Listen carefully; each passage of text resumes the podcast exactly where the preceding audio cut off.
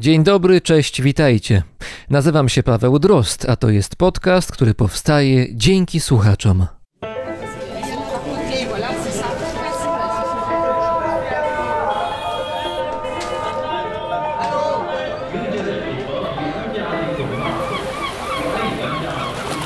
Brzmienie świata z lotu Drozda.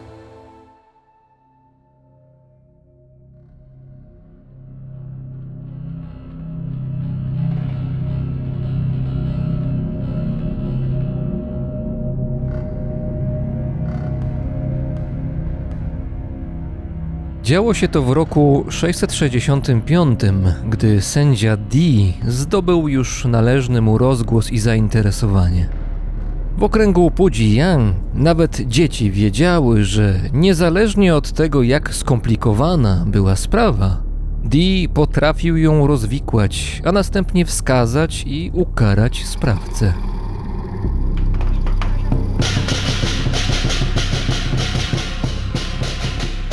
Tego dnia na ulicach miasta ludzie zebrali się, by obejrzeć coroczny taniec smoka.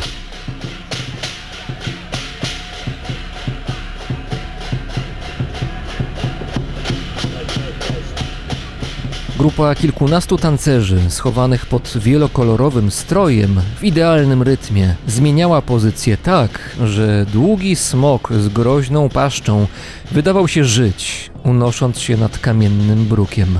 Inaczej rzecz się miała z dwudziestoletnią May. W niej życia już nie było.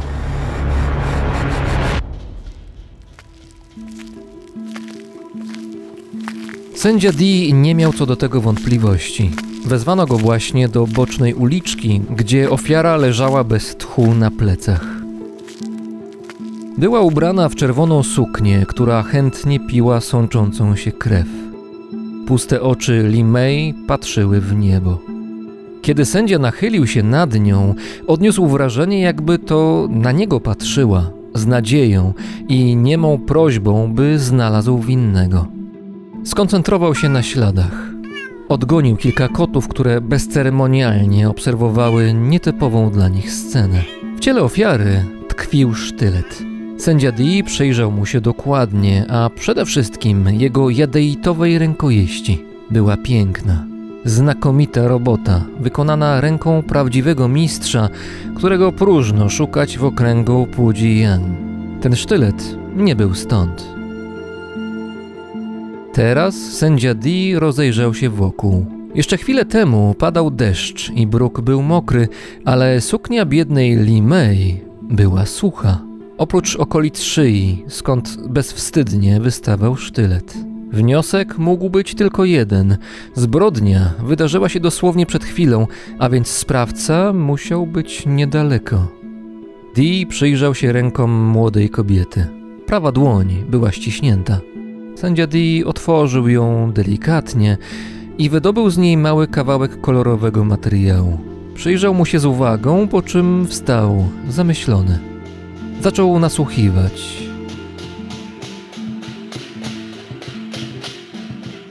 Aż nagle, pewnym krokiem, godnym cesarskiego urzędnika, opuścił uliczkę, a wraz z nim jego niewielka świta. Nic nie mówili. Wiedzieli, że zaraz poznają prawdę, że sędzia Dee rozwiązał zagadkę. Zorientowali się tylko, że idą w kierunku tańczącego smoka.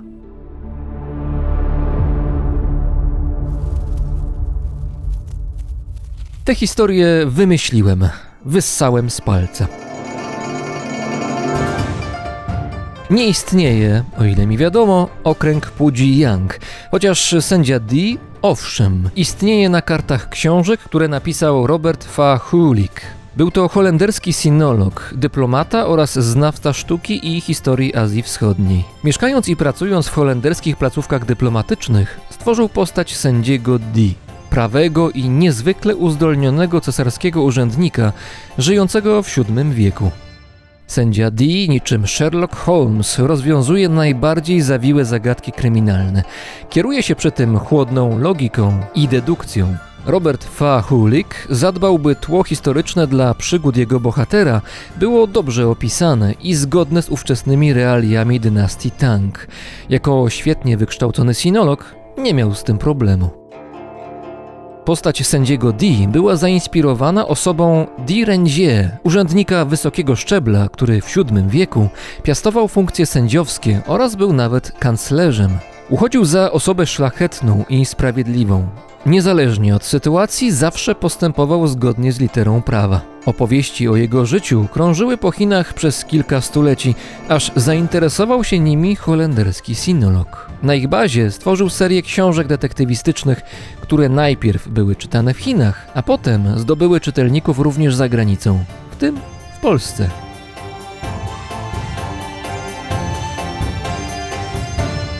W tym odcinku usłyszycie o książkach, tych, które współcześnie są pisane i czytane w państwie środka.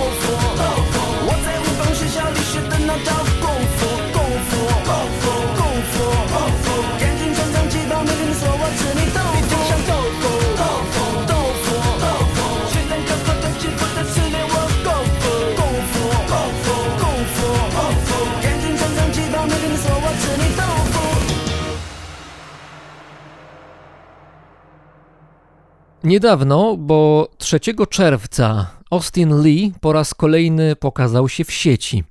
Jak zwykle jego transmisja wideo przykuła do ekranów telefonów i komputerów miliony widzów w całych Chinach. I tak, jak to było już wielokrotnie, Lee przedstawiał nowe produkty, najróżniejsze, m.in. kosmetyczne, bo z tego przede wszystkim jest znany. Nazywany jest królem szminek, od kiedy podczas jednej z transmisji, trwającej kilka godzin, wypróbował na sobie kilkaset różnego rodzaju szminek właśnie. I do tego jeszcze w zeszłym roku podczas zaledwie 5 minut sprzedał 15 tysięcy sztuk tego właśnie produktu. I tutaj dodać trzeba, że kosmetyki recenzuje, testuje, no i sprzedaje. W tym samym 2021 roku podczas 20-godzinnego maratonu sprzedażowego sprzedał kosmetyki o wartości ponad 1,5 miliona dolarów. Oczywiście tak duża sprzedaż ma wpływ na stan konta Austina Lee. Ocenia się, że miesięcznie zarabia ponad 10 milionów dolarów. Tak przynajmniej było do wspomnianego 3 czerwca. Tego dnia podczas transmisji 29-letni Lee oprócz kosmetyków sprzedawał również przekąski i w pewnym momencie na wizji pojawiło się ciastko w kształcie czołgu. Lufa była zrobiona z wafelka, a koła z rodzaju herbatników. Właściwie nic specjalnego, no ciastko jak ciastko, ale krótko potem transmisja została przerwana. W oficjalnym komunikacie podano, że powodem były problemy techniczne ale wiele wskazuje na to, że za całą sytuacją stoi wspomniany ciastkowy czołg. I to przez niego dalsza kariera młodego milionera, młodego instagramera chińskiego stoi pod znakiem zapytania. Razem z nami w Krakowie jest sinolożka i tłumaczka literatury chińskiej Katarzyna Sarek. Dzień dobry pani. Dzień dobry. Świat kultury, również tej popularnej, daje szansę na stworzenie obrazu współczesnych Chin i w tej rozmowie spróbujemy ten obraz choć trochę namalować. Będziemy przede wszystkim rozmawiać o tym, co Chińczycy czytają i dlaczego czytają, ale najpierw przyjrzyjmy się temu, co oglądają. Wspomniałem o Austinie Lee, ponieważ po pierwsze to jest bardzo świeża historia, a po drugie, moim zdaniem, sporo mówi o tym, jakie Chiny dzisiejsze są. Jesteśmy winni słuchaczom e, jeszcze słowo wyjaśnienia, dlaczego ciastko w kształcie czołgu może być tak bardzo ryzykowne dla popularnego chińskiego streamera i sprzedawcy kosmetyków. Problemem była data, kiedy to się pojawiło, ponieważ 4 czerwca jest i w Chinach, i w Polsce datą bardzo znaczącą. W Polsce miały miejsce pierwsze demokratyczne wybory, w Chinach miała miejsce tak zwane wydarzenia na placu Tiananmen, jak mówią ci, którzy chcą zachować neutralność, a ci, którzy mają jednoznacznie negatywne spojrzenie na to, w jaki sposób władze chińskie rozprawiły się z protestem, mówią o masakrze na placu Tiananmen. Więc wszelkie nawiązania do tej daty, do tych dwóch cyfr zestawienia 6-4, nie daj Boże czołgu, wszyscy słyszeliśmy chyba o tak zwanym tankmenie, czyli o człowieku, który sam stanął naprzeciwko kolumny czołgów i zablokował ich przejazd. To wszystko sprawia, że wokół tej daty władze chińskie cenzorzy robią się nerwowi, robią się przewrażliwieni i każda wzmianka, każda sugestia, aluzja, która mogłaby być odczytywana jako w jakikolwiek sposób upamiętnienie tych ofiar, jest natychmiast usuwana z przestrzeni publicznej. No i właśnie dochodzi do takich kuriozalnych sytuacji, jak pokazywanie czołgu podczas sprzedaży ciastek, która też okazuje się być tutaj nadmiernie polityczna. I wydaje mi się, że sami cenzorzy chińscy trochę się zapędzili w kozi róg, ponieważ młode pokolenie, wychowane w dosyć takich sterylnych warunkach ocenzurowanej rzeczywistości chińskiej, ono może nawet nie wiedzieć o tym, co wydarzyło się 4 czerwca 1989 roku w centrum ich stolicy. Więc dla nich to, że czołg w jakiś sposób był ocenzurowany, było szalenie dziwne. I wieść niesie, że bardzo dużo ludzi się zainteresowało, dlaczego czołg, dlaczego to usunięto, co się stało, i zaczęli szukać informacji. I ze zdziwieniem po raz pierwszy w swoim życiu dowiedzieli się właśnie o wydarzeniach masakrze na placu Tiananmen. Tutaj jeszcze jest jedna ciekawa rzecz, to znaczy jedna sprawa to jest kwestia pokoleniowa, że rzeczywiście dla części Chińczyków, y, którzy teraz mają 20-30 parę lat, Tiananmen to jest nazwa placu, a nie nazwa, która się kojarzy z tą masakrą z 4 y, czerwca 1989 roku. Ale druga sprawa jest taka, że prawdopodobnie takie są snute oceny tej całej sytuacji tego biednego streamera, który zniknął, że on został, mówiąc krótko, wrobiony w tę sytuację, bo on wygląda, ten nasz Lee, na zdziwionego, że ten czołg taki właśnie jest, że to jest ciastko w kształcie czołgu, o co chodzi, i prawdopodobnie nie zdawał sobie sprawy z tego, że w ogóle to się pojawi w programie. I tutaj być może ktoś specjalnie ten ciastkowy czołg podłożył, po to, żeby się pozbyć tego Lee ze sceny sprzedaży kosmetyków, który jest, ten rynek jest wart w Chinach ciężkie pieniądze. W przyszłym roku rynek sprzedaży kosmetyków czy branży związanej z urodą w Chinach będzie większy niż rynek amerykański, który w tej chwili jest numerem jeden. To już w przyszłym roku ma być zmiana miejsc, więc tutaj też być może chodzi też o pieniądze. To również jest możliwe, ponieważ konkurencja na rynku influencerów, którzy na żywo sprzedają najróżniejsze towary, zaczynając od e, właśnie produktów spożywczych, kosmetyków, a skończywszy nawet na samochodach czy na brylantach jest, ten rynek jest olbrzymi, można na nim zarobić olbrzymie pieniądze, jeśli ktoś rzeczywiście przebije się i zostanie, zostanie taką znaną twarzą chińskim internecie. Tutaj stawka jest bardzo wysoka i gra jest bardzo żarta i nie byłabym zdziwiona, gdyby się okazało, że właśnie asystent Lidia Ci zrobił to specjalnie po to, żeby pogrążyć swojego szefa i być może przejść potem do konkurencji. W książce chińskiego pisarza Hua Yu pod tytułem Chiny w dziesięciu słowach, zresztą tę książkę pani tłumaczyła na język polski, autor pochylając się na jednym ze słów nad słowem lud, Wspomina protesty i późniejszą masakrę na placu Tiananmen 4 czerwca 1989 roku i pisze nawet o tym, że niepokoi go to, że właśnie młode pokolenie już nie kojarzę tej daty z czymś bardzo ważnym, jeżeli chodzi o współczesną historię Chin. Ta książka pokazuje, że to, o czym pani wspomniała wcześniej, to się już dzieje. To znaczy, że w ogóle o tej masakrze być może nawet nie wiedzą.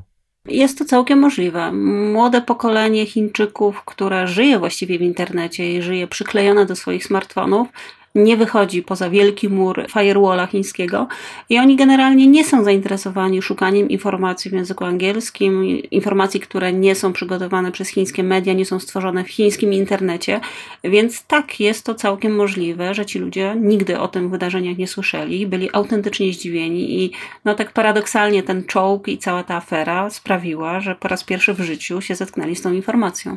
No to chyba udało się cenzorom chińskim. Tak, udało się. Młode pokolenie nie wie i jest zadowolone z tego, w jaki sposób jest rządzony kraj, państwo chińskie. Jest zadowolone generalnie z tego, jak żyją i jak poprawia się ich sytuacja, więc nie mają jakbyś jakiejś dużej potrzeby kwestionowania tego, co dzieje się wokół nich i szukania informacji, które burzyłyby ich obraz Chin, tego, jak wspaniały, potężny i bogaty się stał ich kraj.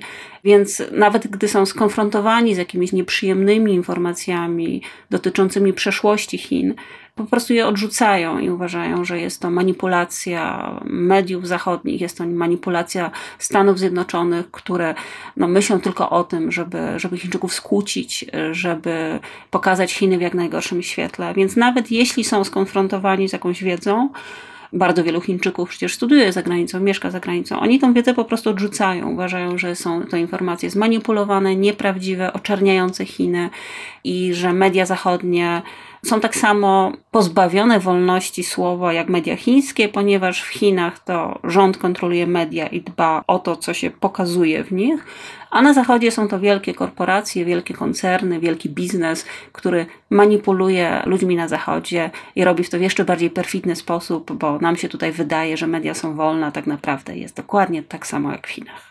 Rok temu serwis Weibo, czyli taki rodzaj chińskiego odpowiednika Twittera, można powiedzieć, bardzo wpływowe medium, wpływowa platforma społeczna chińska, rekomendowało swoim użytkownikom książki na kolejny rok i sprawdziłem, jakie to były książki. To były książki chińskie, ale przetłumaczone na język angielski, no bo też ten komunikat akurat ten konkretny był kierowany nie tylko do Chińczyków, ale do obcokrajowców. I tam na tej liście, jak sprawdziłem, dominowały albo książki historyczne dotyczące głównie wojny po 1937 roku, albo były inne książki dotyczące nowych technologii. Albo była mowa o sztucznej inteligencji, albo o chińskiej dolinie krzemowej, albo o przyszłości internetu, albo o wykorzystaniu nowych technologii, na przykład w chińskim rolnictwie. I właściwie nie jestem zaskoczony, ale pewnie co innego poza chiński odbiorca chińskich książek może w tych książkach zauważyć, a co innego chiński czytelnik chińskich książek bezpośrednio na miejscu. W tym momencie pyta się Pan o to, co czytają Chińczycy. Czytają bardzo dużo. Czytelnictwo stale w Chinach rośnie, oczywiście zmienia się to procentowo. Z książek papierowych Chińczycy przechodzą na książki elektroniczne, na Kindlach, na smartfonach. Również to czytelnictwo elektroniczne też wygląda trochę inaczej niż na zachodzie, ponieważ jest mniejszy udział właśnie jakichś różnego rodzaju czytników, a więcej ludzi czyta po prostu na smartfonach pomijając tutaj dodatkowe urządzenie, które trzeba by kupić, żeby móc czytać książki. A Chińczycy czytają bardzo dużo literatury internetowej. To jest coś, co u nas chyba jest jeszcze, tak, wydaje mi się, w powijakach i nie ma szansy na to, żeby zdobyć tak szerokie grono publiczności, ponieważ w tym momencie literatura internetowa i pisarze, którzy najpierw publikują na różnego rodzaju platformach internetowych, które skupiają pisarzy i pisarzy INSPE są w tym momencie najlepiej zarabiającymi pisarzami w Chinach. To są ludzie, którzy naprawdę robią też majątek na tym, że sprzedają rozdziały swoich książek. Za każdy rozdział trzeba zapłacić, żeby móc go przeczytać. Tych rozdziałów jest strasznie dużo. A to jest tak, że oni to sprzedają na własnych stronach internetowych, czy są jakieś specjalne platformy, które są temu poświęcone? Są specjalne platformy, które się w tym specjalizują, które właśnie grupują takich początkujących pisarzy i również znanych. Oni podpisują umowy z tymi platformami dotyczące dotyczących tego na przykład, ile zawartości będą w stanie dostarczyć, to się liczy w tysiącach znaków, i potem są jakby zobowiązani do tego, żeby jeśli ich książka, powieść chwyci i ludzie chcą tego czytać, zobowiązują się do tego, że będą regularnie pisać, że nie porzucą swojego pisania i będą codziennie czy co dwa, trzy dni dostarczać kolejny rozdział i czytelnicy będą mogli za niego płacić. Oczywiście te zyski są dzielone pomiędzy platformę a, a autora, a gdy rzeczywiście książka okaże się wielkim, wielkim wielkim hitem, wielkim bestsellerem, wtedy jest wydawana w papierze. Bardzo często pojawiają się seriale, które są kręcone na podstawie tych książek i jest to taki dostęp do sławy i do bycia bardzo znanym pisarzem, pomijając dosyć taki sformalizowany chiński rynek takiej książki tradycyjnej, wydrukowanej na papierze, gdzie trzeba przejść przez państwowe wydawnictwo w Chinach. Nie ma prywatnych wydawnictw. Cały rynek wydawniczy, czy książek, czy czasopism jest w rękach państwa. Trzeba przejść przez tutaj właśnie różnego rodzaju cenzorów i tak dalej, więc jest to o wiele trudniejsze. Więc jeśli ktoś chce zaistnieć jako pisarz, próbuje najpierw literaturze internetowej, próbuje przez te platformy, a potem, jeśli czytelnicy okażą się łaskawi i polubią jego twórczość, wtedy już jest otwarta szeroka droga do tego, żeby awansować na pisarza wydawanego na papierze. Ale to jeżeli chodzi o, o tych pisarzy internetowych, pisanie co jeden czy co kilka dni kolejnego rozdziału, to jest podpisanie cyrografu chyba, jeżeli takie umowy e, właśnie są. To wymusza naprawdę na, na takim człowieku no wena musi być non-stop obecna i naprawdę trzeba się starać. Tak, bardzo się starają i, i, to jest rzeczywiście bardzo duże obciążenie i wielu ludzi się potem skarży, że oni zaczęli pisać, myśląc o tym, że wyzwolą się ze swojej jakiejś nudnej pracy biurowej na przykład, zostaną pisarzami, a tak naprawdę okazuje się, że narzucają sobie jeszcze cięższe brzemię na ramiona, ponieważ no, muszą z bardzo dużą regularnością, niezależnie od tego, czy, nie wiem, czy są przeziębieni, czy są na urlopie, muszą pisać i muszą pisać dużo, ponieważ czytelnik ma krótką pamięć i jeśli nie będzie regularnie w krótkich odstępach dostawał kolejnego rozdziału, może po prostu poszukać sobie jakiejś innej powieści, bo on nie będzie czekał dwa tygodnie na kolejny rozdział. A to jest tak, że jak ja piszę w ramach danej platformy, to to przechodzi przez jeszcze jakąś redakcję, czy to jest tak, że to, co ja napiszę, natychmiast użytkownik dostaje w tej formie, w jakiej ja napisałem, czyli mogą się zdarzyć błędy, jakieś niedoskonałości, no coś, co można byłoby ewentualnie jeszcze jakoś poprawić, gdyby był proces redakcyjny po drodze? Z tego, co wiem, w większości nie ma procesu redakcyjnego. Po prostu pisze się i się natychmiast wrzuca, bo czytelnik czeka. Oczywiście jest też cenzura, która działa jakby nie przed, tylko po że jeśli tutaj algorytmy rozpoznają, że są użyte jakieś niewłaściwe, niewłaściwe znaki, albo są jakieś treści nieodpowiednie. Na przykład ciastkowy czołg. Na przykład ciastkowy czołg, albo że coś wydarzyło się 4 czerwca. Nie może się wydarzyć nic 4 czerwca w, w chińskim internecie. Albo na przykład są treści nieobyczajne, pornograficzne, albo słowa, które obrażają wkład Komunistycznej Partii Chin w powstanie Chin i walkę o dobrobyt narodu chińskiego. Wszystkie takie rzeczy są jakby sprawdzane po jeśli się okaże, że algorytm, czy potem żywy cenzor stwierdzi, że ta treść jest nieodpowiednia, no wtedy ten wpis, ten rozdział jest usuwany. Więc autocenzura działa bardzo dobrze, wszyscy pilnują się, żeby nie przekroczyć nie przekroczyć tych e, niepisanych granic, o których no, może nie wszyscy wiedzą, jak się przekonaliśmy po aferze z ciastkowym czołgiem, ale one istnieją i ludzie sobie zdają sprawę, że są pewne rzeczy, które są zakazane, tematy, których lepiej nie poruszać. Może nie do końca wiemy dlaczego, ale nie drążmy. Po co to drążyć? Po prostu napiszmy coś innego i niech się coś wydarzy. 1 czerwca na przykład, nie musi przecież czwartego. A ja bym chciał podrążyć jednak kwestie ekonomiczne, bo powiedziała pani, że są pisarze ci internetowi, którzy potem awansują na tych pisarzy pełnoprawnych, papierowych powiedzmy, którzy zarabiają duże pieniądze. Tymczasem zawód pisarza nie kojarzy mi się z zawodem, który dostarcza jakoś szczególnie duże strumienie gotówki do portfela, no przynajmniej w europejskich, a na pewno już w polskich warunkach. Czy wobec tego bycie pisarzem w warunkach współczesnych Chin to jest naprawdę coś? To się są młodzi ludzie, którzy robią karierę i świadomie podejmują ścieżkę kariery, żeby potem właśnie nie tylko być sławnymi i osiągnąć jakiś sukces, powiedzmy, prywatny, ale po prostu też ekonomiczny, żeby no, zarobić na życie. Tak, oczywiście. Zarabia się naprawdę dużo, bo w Polsce może to nie jest możliwe, bo mamy 38 milionów mieszkańców i czytelnictwo w Polsce nie jest jakoś szalenie, szalenie wysokie. Polacy nie czytają zbyt dużo książek, a Chińczyków jest miliard 400 milionów i lubią czytać książki. Zdecydowana większość z nich korzysta na co dzień z internetu i ze smartfona. Zdecydowana większość z nich dojeżdża długo do pracy i właśnie w czasie tych dojazdów do pracy można sobie taki rozdział przeczytać. Codziennie rano jadę metrem i akurat mam to 20 minut, kiedy mogę przeczytać te kilka tysięcy znaków. Więc ten rynek jest olbrzymi po prostu i nawet jeśli te rozdziały są tanie, bo to na przykład potrafi kosztować kilka juanów, nie wiem, 2-3 złote na przykład, taki rozdział. No ale jeśli mamy kilkaset tysięcy czytelników i nawet jeśli musimy się podzielić z tym portalem, na którym to publikujemy, tak naprawdę są to, są to bardzo duże pieniądze i zarobki tych najpopularniejszych pisarzy chińskich internetowych no teraz już tak z głowy trochę, ale pamiętam, że w zeszłym roku widziałam wyniki, że to dochodzi do kilkunastu milionów renminbi, kilka dobrych milionów złotych, więc tak można bardzo dobrze zarabiać na pisaniu literatury. To teraz co czytają podczas dojazdów do pracy Chińczycy, którzy napełniają portfele chińskim pisarzem? I dobrze akurat niech, niech pisarze zarabiają, jak piszą coś dobrego, ale co się czyta w takim razie w tych pociągach, autobusach i innych komunikacyjnych środkach transportu? Czyta się przede wszystkim literatura, która u nas się nazywa literaturą taką fantazy. To są powieści, w których dzieją się różne nadprzyrodzone rzeczy. Bohaterowie potrafią latać, przenoszą się w czasie, potrafią czarować i tak dalej. Przyczajony tygrys, ukryty smok, coś takiego? Tak, coś takiego. Bardzo często jest osadzone w konkretnym momencie historycznym Chin, w okresie panowania jakiejś konkretnej dynastii, na przykład dynastii, nie wiem, Yuan, czy Jin, czy Han i tak dalej. Plus są, pojawiają się w niej postaci historyczne, często, autentyczne, ale na tym tle są dodani bohaterowie fikcyjni, którzy przeżywają różne przygody. Zazwyczaj tych przygód jest bardzo wiele, zwroty akcji, sztuki walki, czary, różne elementy takiej tradycyjnej kultury chińskiej.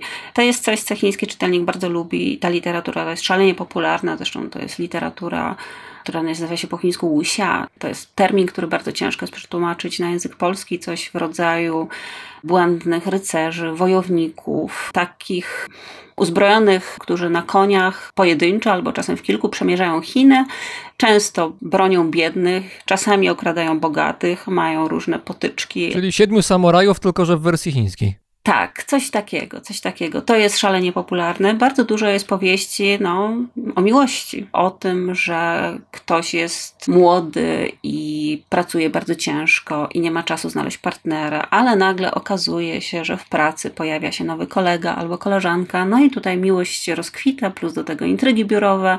Są to raczej takie pozycje, rzekłabym, należące literatury bardziej popularnej niż literatury wysokiej. Zresztą ciężko to wymagać, żeby to była jakaś bardzo, bardzo literatura piękna, ponieważ jeśli autor tworzy co 2-3 dni kolejny rozdział i tych rozdziałów potrafi dochodzić do kilkuset nawet, więc też pisarz myślę, że nie dałby rady utrzymać tak długo i tak intensywnie wysokiego poziomu twórczości, ale przede wszystkim to ma być ciekawe i wciągające i też jest taka tendencja, żeby rozdziały kończyć w ten sposób, żeby był jakiś taki suspens, że chcemy się dowiedzieć, co wydarzy się w kolejnym rozdziale, mhm. więc no, wykupimy ten kolejny rozdział, żeby się dowiedzieć i tak tutaj od emocji do emocji przeskakujemy przez kolejne rozdziały. I czasami były też nawet takie sytuacje, że pisarz już był zmęczony tą powieścią, która miała 500 rozdziałów, już bardzo chciał ją skończyć i próbował ją skończyć, no ale wtedy czytelnicy pisali gniewne maile, domagali się kontynuacji i portal musiał tutaj przekonywać przekonywał pisarza, no może jednak, może jeszcze, może jeszcze coś tu piszesz. Pisarz był niewolnikiem swojego sukcesu w takim razie. Zdarzają się też takie sytuacje, że, że pisarze chcą zakończyć jakieś dzieło, ale nie bardzo mogą. Woleliby zacząć kolejną powieść i poprowadzić jakichś nowych bohaterów, ale ci starzy e, są tak kochani przez czytelników, że ci nie chcą dopuścić do zakończenia przygód. A czy ci pisarze, ci najbardziej popularni, ci, którzy naprawdę osiągnęli sukces, to są celebryci rangi celebrytów, y, nie wiem, telewizyjnych, czy internetowych, czy takich kosmetycznych, tak jak wspomniane na początku Lee? Czy to jest tego typu ranga celebrycka? Aż tak nie, ponieważ początkowo, gdy oni zaczynają, to bardzo często to są zwykli ludzie. To ludzie, którzy nie są w żaden sposób sławni i nie wszyscy, na, zwłaszcza na początku, chcą jakby wyjawiać swoje prawdziwe imię, nazwisko. I część z nich, nawet gdy jest wydawana w papierze już na tym tradycyjnym rynku czytelniczym, dalej używa na przykład pseudonimów, którego używała na tych platformach internetowych i nie funkcjonuje pod prawdziwym imieniem, nazwiskiem. Bo naprawdę są jakimiś informatykami albo pracownikami tak. biur, albo nie wiem, coś robią innego. Dokładnie tak. I nie wszyscy chcą jakby zrezygnować ze tego swojego starego życia i życia jakby trochę incognito. I nie wszyscy walczą o to, żeby być rozpoznawany tak na co dzień na ulicy, w metrze. Raczej tutaj nie kojarzę jakiegoś pisarza, który stałby się właśnie takim influencerem i taką wielką sławą internetową. Co te książki chwalą, a co ganią? Te książki chińskie najbardziej popularne, fabularne. Czy jest jakiś model bohaterów, który jest oczekiwanym modelem? A może jest też model jakiegoś antybohatera? Zdecydowanie tak. W chińskich powieściach widać, jaki bohater jest bohaterem pozytywnym i bohaterem, który powinien stać się wzorem dla czytelników. To też są oficjalne zalecenia władz, które pilnują tego rynku czytelniczego i wiedzą, że jest to jeden ze sposobów jakby formowania moralności publicznej, docierania do ludzi, jakby kształtowania ich zachowania wewnątrz społeczeństwa. Nie ma oczywiście jednego wzoru bohatera, jaki on powinien być, jak się zachowywać, ale wiadomo, jaki bohater nie może być. Bohater nie może być, nie wiem, niemoralny Główny bohater nie powinien być przestępcą, człowiekiem złym. Nie powinien być człowiekiem no, rozpustnym, na przykład takim, który uwodzi kobiety, albo zdradza żonę, albo żyje w jakiś taki tutaj no, niezbyt przyzwoity sposób. Nie powinien być osobą homoseksualną. Nie powinien być przestępcą, ani skorumpowanym urzędnikiem. A jeśli się pojawia, to powinien w miarę szybko zostać ukarany za swoje złe czyny i pokazać, że rzeczywiście w społeczeństwie chińskim zdarzają się osoby nieuczciwe, ale aparat państwowy, policja, władze dbają o to, żeby taka osoba zawsze została schwytana i ukarana w przykładny sposób. Ale to brzmi jak w ogóle książki jakieś e, moralizatorskie, to musi być nudne chyba. W dużej mierze te książki są nudne, te najbardziej popularne i ja na przykład tej literatury internetowej no nie przypadam za czytanie, bo pierwsze one są szalenie długie i ja też nie mam czasu, żeby czytać kilkaset rozdziałów jakichś przygód właśnie błędnego rycerza gdzieś tam na jakiejś pustyni, więc omijam tego typu rzeczy. Ale te książki tak, one są dosyć schematyczne i przewidywalne. Główny bohater zazwyczaj jest piękny, młody, ma tam 20 parę lat albo około 30. Jest wysoki, świetnie włada mieczem, jest moralny, broni sierot i wdów, walczy z przestępcami, dzieli, dzieli się swoim majątkiem. Ratuje koty z drzew, tak? tak, tonący łabędzie. Tak, no jest jest to, jest to dosyć takie no, ograne. Ale dlaczego ludzie dalej to kupują? No bo jeżeli jedna seria byłaby taka, druga seria taka, w trzeciej znowu ratuje te sieroty i wdowy, no to, to ile razy może ratować ten sam bohater, skoro tylko imiona się zmieniają i epoki historyczne, jak rozumiem?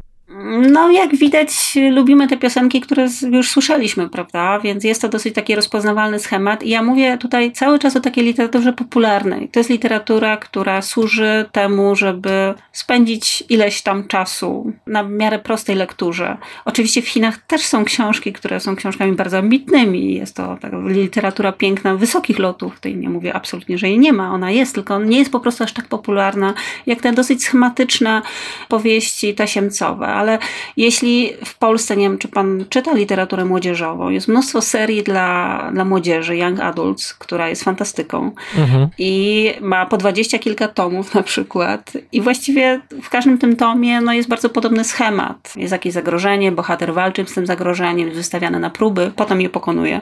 I w każdym tomie jest praktycznie to samo. I ludzie też chcą to czytać. Ale wydaje mi się, że jednak bohaterowie w naszej sferze kulturowej nie są tak ciosani wyraźnie, że muszą być tacy krystaliczni, idealni, bo zdarzają się bohaterowie, którzy mają jakieś ciemniejsze strony, którzy popełniają błędy, którzy, może być, wyobrażam sobie, przestępca bohaterem, który jest jakoś moralny, ale jednakowoż przestępcą jest. Ale rozumiem, że w chińskiej rzeczywistości to jest niemożliwe. Może być bohater, który ma jakieś wady, który popełnia błędy albo jakieś przestępstwa, ale w książce potem ma zostać pokazane, że on jakby dojrzewa do tego, żeby zrozumieć swoje złe zachowanie, naprawić swoje błędy, no i stać się takim modelowym obywatelem. Więc może zacząć od tego, że jest to powiedzmy średnio zły bohater, ale ma być przedstawiona droga jego dochodzenia do takiej doskonałości, do naprawienia swoich błędów, takie zastanowienie się nad sobą i nad moimi relacjami z innymi ludźmi i ze światem. Więc jest to też takie pokazywanie, że no można jakby osiągnąć tą doskonałość, że należy o nią walczyć, należy należy się starać, że ciężka praca popłaca. Takie typy bohaterów też się zdarzają. Czy ja dobrze zrozumiałem, że to, że te książki, te najbardziej popularne, są takie, jakie są, że są takie moralizatorskie, to jest bezpośrednio inspirowane przez władze, że władze chcą wykreować taki właśnie model, do którego potem mają aspirować ludzie? Tak, w pewnym momencie te platformy internetowe e, stały się takim miejscem niespotykanej wolności. Pojawiały się tam treści, które nie mogłyby się pojawić na papierze. Pojawiało się sporo seksu. Pojawił się taki specjalny typ literatury, się nazywa Danwu, który opisuje właśnie miłość homoseksualną. Coś takiego no, na rynku oficjalnym raczej nie jest obecne ponieważ no, całkiem niedawno homoseksualizm przestał być przestępstwem w Chinach. Teraz już nie jest, ale nie jest czymś, co należy pokazywać w mediach i promować. Więc to była taka niespodziewana za wolności, ale to się skończyło niecałe 10 lat temu, kiedy no, władze dostrzegły to, że tam są rzeczy, które nie powinny się znajdować w sferze publicznej. Największe platformy zamknięto na jakiś czas, bo właściciele ogłosili, że muszą tutaj sprawdzić wszystkie treści, które tam się znajdują i usunąć te, które są huang czy żółte, czyli pornograficzne, albo które są hej, czarne, które w jakiś sposób łamią obowiązujące w Chinach prawo. I po jakimś czasie, kiedy wyczyszczono to platformy właśnie z tysięcy autorów i książek, które nie spełniły wymagań cenzorów, w tym momencie nadzór jest o wiele silniejszy niż był dawniej. Zdarzają się też takie sytuacje, że na przykład niektórzy autorzy próbują iść trochę na skróty i próbują samodzielnie wydawać swoje książki w papierze i je sprzedawać i wydawać je bez ISBN, bo ISBN może w Chinach otrzymać tylko państwowe wydawnictwo, które wprowadza oficjalnie na rynek książki. No i pewna pani, która chciała zmonetaryzować swoją popularność, wydrukowała ileś tysięcy swoich książek, je sprzedawała, wysyłała je kurierami, no ale ją namierzono i dostała kilka lat więzienia za sprzedaż książek nielegalnie. A więc takie historie też się zdarzają, że jeśli ktoś próbuje jakby oszukać system i działać poza jego granicami, prędzej czy później jest namierzony i ukarany. Wspomniany Hua Yu, czyli chiński pisarz mieszkający w Chinach, który zresztą za granicą zdobywa coraz większą popularność, nawet też jest znany w Polsce, między innymi dzięki pani, dzięki pani tłumaczeniom. On jest ciekawą dla mnie postacią, ponieważ on jest w stanie pisać książki, które dość bezpośrednio krytykują jednak współczesne Chiny, bo Hua Yu krytykuje często wszechobecną korupcję, nadużycie władz, narzeka też na współczesne chińskie społeczeństwo, które z jego perspektywy żyje głównie pieniądzem, ale jakim cudem ten człowiek dalej jest w stanie pisać książki, skoro mamy tak świetnie zorganizowaną chińską cenzurę, skoro cenzorzy są tak czujni, skoro można trafić, jak pani powiedziała, to zresztą nie tylko ten przykład, ale można trafić do więzienia za to, że ktoś przekroczył tę widzialną czy niewidzialną granicę, poza którą się nie powinien znaleźć. Jak Huayu dalej może publikować, pisać to, co pisze, jednocześnie się nie narazić jakoś ostatecznie władzom? Pozwolę sobie poprawić. Juhua, a nie Huayu. Juhua, odwrotnie, dobrze. Tak, odwrotnie, odwrotnie. Yu to jest nazwisko, a Hua to jest imię, bo Chińczycy najpierw piszą nazwisko, potem imię, więc Juhua. Przypuszczam, że odnosi się pan bezpośrednio do książki Chiny w dziesięciu słowach. Tak. Jest to książka, która w Chinach się nie ukazała. Aha. Ona ukazała się na Tajwanie, została przetłumaczona na język angielski, na wiele innych języków, języków europejskich, światowych. Jest to książka, która jest bardzo popularna i ja się wcale temu nie dziwię, ponieważ jest to książka napisana w bardzo lekki sposób, z taką dużą swadą, która bardzo zgrabnie łączy wspomnienia z przeszłości, z obserwacjami z teraźniejszości i jest, jak pan wspomniał, bardzo krytyczna wobec tego, co w Chinach się działo, tylko że no to już nie teraz, tylko sprzed kilkunastu lat. Już nie pamiętam ta książka, w którym roku została napisana, ale to już co najmniej 10 lat, jeśli nie więcej. I to są rzeczy, które były pisane i wydawane właśnie te 10-15 lat wcześniej. Obecnie Juchła, gdyby tą książkę wydał, no myślę, że spotkałyby go bardzo duże problemy i do wydania tej książki pewnie by nie doszło. Tak samo Juchła przez jakiś czas pisał felietony bardzo ciekawe i bardzo krytyczne wobec rzeczywistości chińskiej w New York Timesie. I w niektórych krajach zostały wydane te felietony zbiorczo, ale w pewnym momencie Juchła już nie promował tego zbioru tekstów i wręcz starał się, żeby te teksty nie wychodziły poza granicami Chin. Oczywiście w Chinach się one nigdy nie ukazały, ponieważ obecna atmosfera polityczna i to, jak działa cenzura, no to jest coś zupełnie innego niż działało 10 lat temu. Wiem też od znajomych tłumaczy, że niektórzy bardzo znani pisarze chińscy, już nie jacyś młodzi, początkujący, ale tacy seniorzy, 60-70-letni, też tłumaczeni, rozpoznawani w świecie, nie mogą wydać swoich najnowszych książek, ponieważ wydawnictwa dmuchają na zimne i mówią, no nie jesteśmy pewni, czy ten wątek, a może by poprawić, a teraz ta atmosfera jest taka niekorzystna, poczekajmy. Więc to też nie jest tak, że w Chinach jakby cały czas jest tak samo. Był pewien okres, kiedy rzeczywiście była trochę większa wolność słowa i można było pewne rzeczy wydawać, a obecnie już tak nie jest. Wszyscy czują, że władze bardzo dokręciły śrubę i ta przestrzeń wolności słowa no jeszcze bardziej się skurczyła. I w tym momencie Juchła, tych swoich książek wcześniejszych, na przykład Żyć, On sam kiedyś żartował, że teraz ta książka już nie miałaby szans się ukazać. Bo chyba jest coś takiego z chińską cenzurą, nie tylko w sferze literatury, ale generalnie, że te granice jakoś fluktuują. Wczoraj były tutaj, a dzisiaj mogą być zupełnie gdzieś indziej. Wczoraj coś mogło być w porządku, a dzisiaj y, może mnie to kosztować odsiadkę. Może nie w ciągu jednego dnia, ale w ciągu roku tak, owszem. I chińska cenzura właśnie nie działa tak jak dawniej przed wydrukowaniem książka. Ja wędruję na ulicę Mysią, tam cenzor ją sobie czyta i mówi można, nie można. Nie, to jest o wiele bardziej perfidne i o wiele bardziej niebezpieczne, ponieważ wydawnictwa same muszą ocenić, czy można, czy nie można. I gdy jest książka taka kontrowersyjna, no to czasem podejmują to ryzyko, licząc na to, że będzie na tyle przyciągała uwagę czytelników, że sprzeda się w dużych nakładach i dużo zarobią, no licząc się z tym, że władza może wkroczyć po miesiącu, dwóch, czasem po roku i powiedzieć: proszę wycofać tę książkę ze sprzedaży. I muszą wtedy to zrobić. I jest taki drugi, dosyć znany już w Polsce pisarz chiński, Yen Lienghe, którego już właśnie niedawno wyszła piąta powieść, Dzień, w którym umarło słońce, wydana przez Państwowy Instytut Wydawniczy. I to jest pisarz, który dosyć długo balansował w takiej grze z cenzurą. Gdy pisał, zastanawiał się, czy to ma szansę przejść, czy nie. No to może trochę to zmiękczę, może ten wątek trochę zmienię, po to, żeby ta książka mogła się w Chinach ukazać. I w pewnym momencie sobie powiedział, no nie chcę w ten sposób pisać, nie chcę w ten sposób się ograniczać, bo to jest autocenzura i to wpływa na jakość, jakość mojej prozy i tego, co tworzę. No i powiedział dość. No i od momentu, kiedy powiedział dość, jego książki nowe już w Chinach się nie ukazują. To jest cena, którą musiał zapłacić za to, że przestał się w końcu kontrolować, przestał się w końcu cenzurować.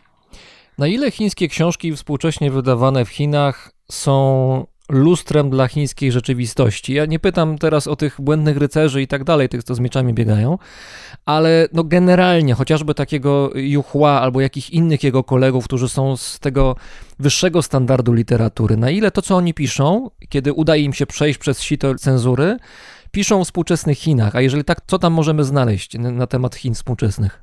Obecnie gatunkiem literatury, który pozwala na największą swobodę i na takie wykiwanie cenzury, jest literatura science fiction. Mm, oj tak. Oj na tak. pewno wie pani, jakiego autora mam teraz na myśli, bo jest tylko jeden taki gigant, który się przebił do świadomości zachodniej. Oczywiście, Liu Cixin. No i właśnie, i to, co opisują chińscy pisarze science fiction, to tak naprawdę to jest o Chinach dzisiejszych. Ja bardzo lubię czytać opowiadania, które się ukazują w różnych antologiach, czasem gdzieś w czasopismach można trafić na jakieś właśnie chińskie opowiadanie chińskiego, może jakoś nie, nie szalenie znanego twórcy, ale to są też ludzie, którzy mieszkają w Chinach, pracują w jakichś różnych zawodach. Często to są informatycy, programiści, ekonomiści, fizycy, ludzie raczej z wykształceniem ścisłym niż humanistycznym.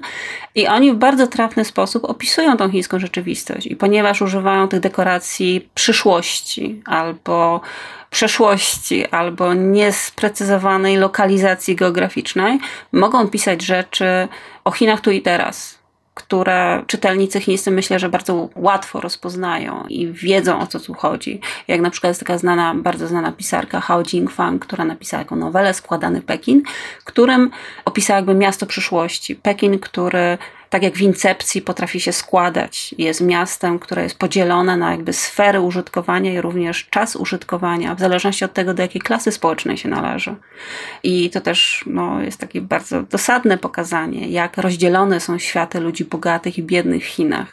Jak ta biedna większość musi zadowalać się bardzo skromnym życiem i brakiem perspektyw, a ten przysłowiowy 1% dostaje największą powierzchnię i najwięcej czasu zdoby po to, żeby żyć i nie być wprowadzany w sen za pomocą leków, żeby przetrwać ten czas, kiedy ich akurat strefa miasta jest złożona. Więc tak, literatura science fiction, która w samych Chinach przez długi czas była uważana za taką literaturę, no powiedzmy podrzędną, literaturę taką popularną, albo literaturę dziecięcą.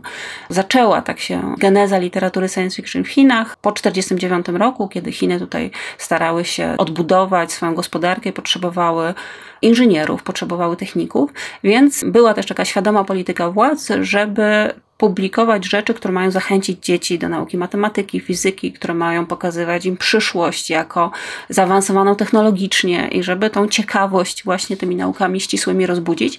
Więc było to traktowane jako taka literatura dziecięca, literatura prosta. I dopiero Liu Cixin i jego olbrzymi sukces trylogii Trzech Ciał sprawił, że zaczęto traktować ją trochę poważniej, że to jest literatura dla dorosłych i ci chińscy czytelnicy i zagraniczni również, którzy na co dzień nie czytają literatury science fiction, sięgnęli po tą książkę i przekonali się, że jest to naprawdę dobra literatura i nie trzeba być fanem science fiction, żeby czerpać z niej przyjemność. Liu Cixin, wspomnienie o przeszłości Ziemi, problem trzech ciał, polecam tę trylogię, bo jest bardzo dobra. Będę chciał jeszcze do niej wrócić, bo myślę, że warta jest tego. Chciałbym jeszcze zatrzymać się na kwestiach tej literatury science fiction, która mówi o współczesnych Chinach, chociażby wspomniała Pani o tej książce gdzie Pekin jest składany. Czy to wobec tego pokazuje te książki, tematyka, którą podejmują, że ten chiński sen, marzenie, że można się wydobyć z biedy i się stać osobą bogatą, majętną, człowiekiem sukcesu, ludzie się trochę tym zmęczyli i zauważyli, że to jest właśnie tylko sen chiński, a nie realna możliwość? Czy to to dążenie ku świetlanej przyszłości każdego Chińczyka jakoś zostało już może zezawuowane? Myślę, że to marzenie blaknie i słabnie, że coraz więcej ludzi przekonuje się, że mimo swojej ciężkiej pracy, mimo olbrzymiego zaangażowania, odnieść sukces jest coraz trudniej. Mnóstwo młodych ludzi, którzy walczą na chińskich maturach Gaokao, właśnie dzisiaj był ostatni dzień. To jest najważniejszy egzamin w życiu Chińczyka, który decyduje o tym, na jaką uczelnię się dostanie i potem jaką się dostanie pracę, jaki się będzie miało tak naprawdę status w społeczeństwie, bo im lepszy uniwersytet, tym jakby lepsze szanse na, na dobrą pracę, na dobre zarobki zarobki, na jakąś taką w miarę poukładaną przyszłość finansową. I oni się przekonują, że w tym momencie konkurencja w Chinach jest tak duża, okazji, gdzie można wiem, wybić się, zaistnieć jest coraz mniej i walka o nie jest coraz bardziej zażarta. Gospodarka chińska, zwłaszcza no, teraz po pandemii, no, Chińczycy wciąż są w trakcie, wygląda też inaczej niż wyglądała jeszcze na przykład 3 lata temu.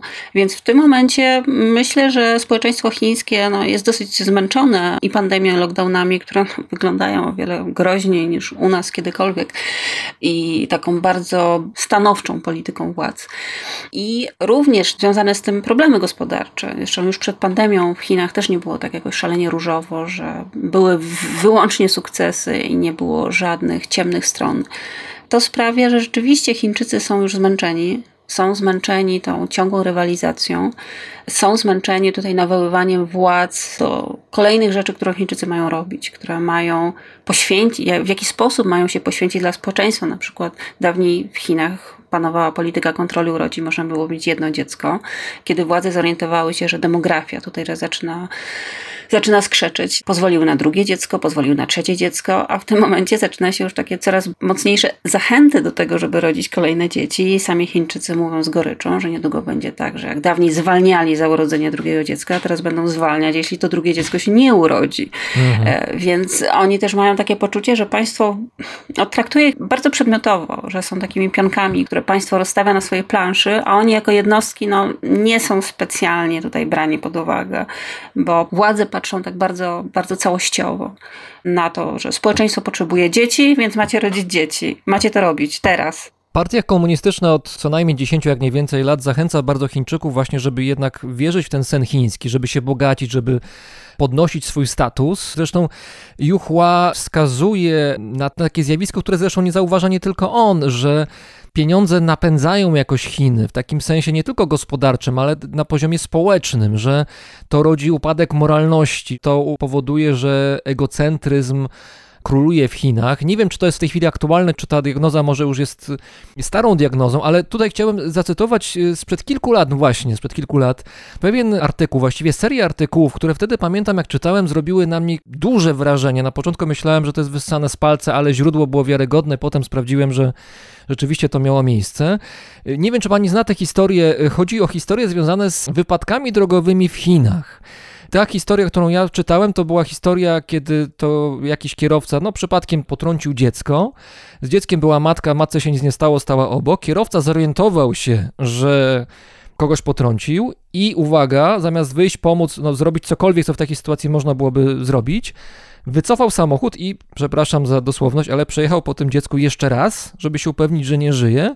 Potem wyszedł z samochodu i zaproponował matce dziecka, że może zapłacić odszkodowanie za to, że no, zabił dziecko. I ta historia naprawdę jest aż tak niezwykła i tak okrutna, że się wydaje, że jest wyssana z palca, ale ona jest prawdziwa i za tym wszystkim kryje się podobno pewne zjawisko, które związane jest z kolei z pieniędzmi, bo podobno, tak czytałem w tych artykułach, jeżeli w Chinach potrącę kogoś, no to prawdopodobnie będę płacił ciężkie pieniądze za leczenie tej osoby, może nawet do końca życia, jakieś odszkodowanie, ale jeżeli ten ktoś zginie z mojej ręki, z mojej przyczyny na drodze, no to wtedy tylko zapłacę jego rodzinie odszkodowanie za to, że zabiłem tę osobę i to jest, mówiąc wprost, tańsze.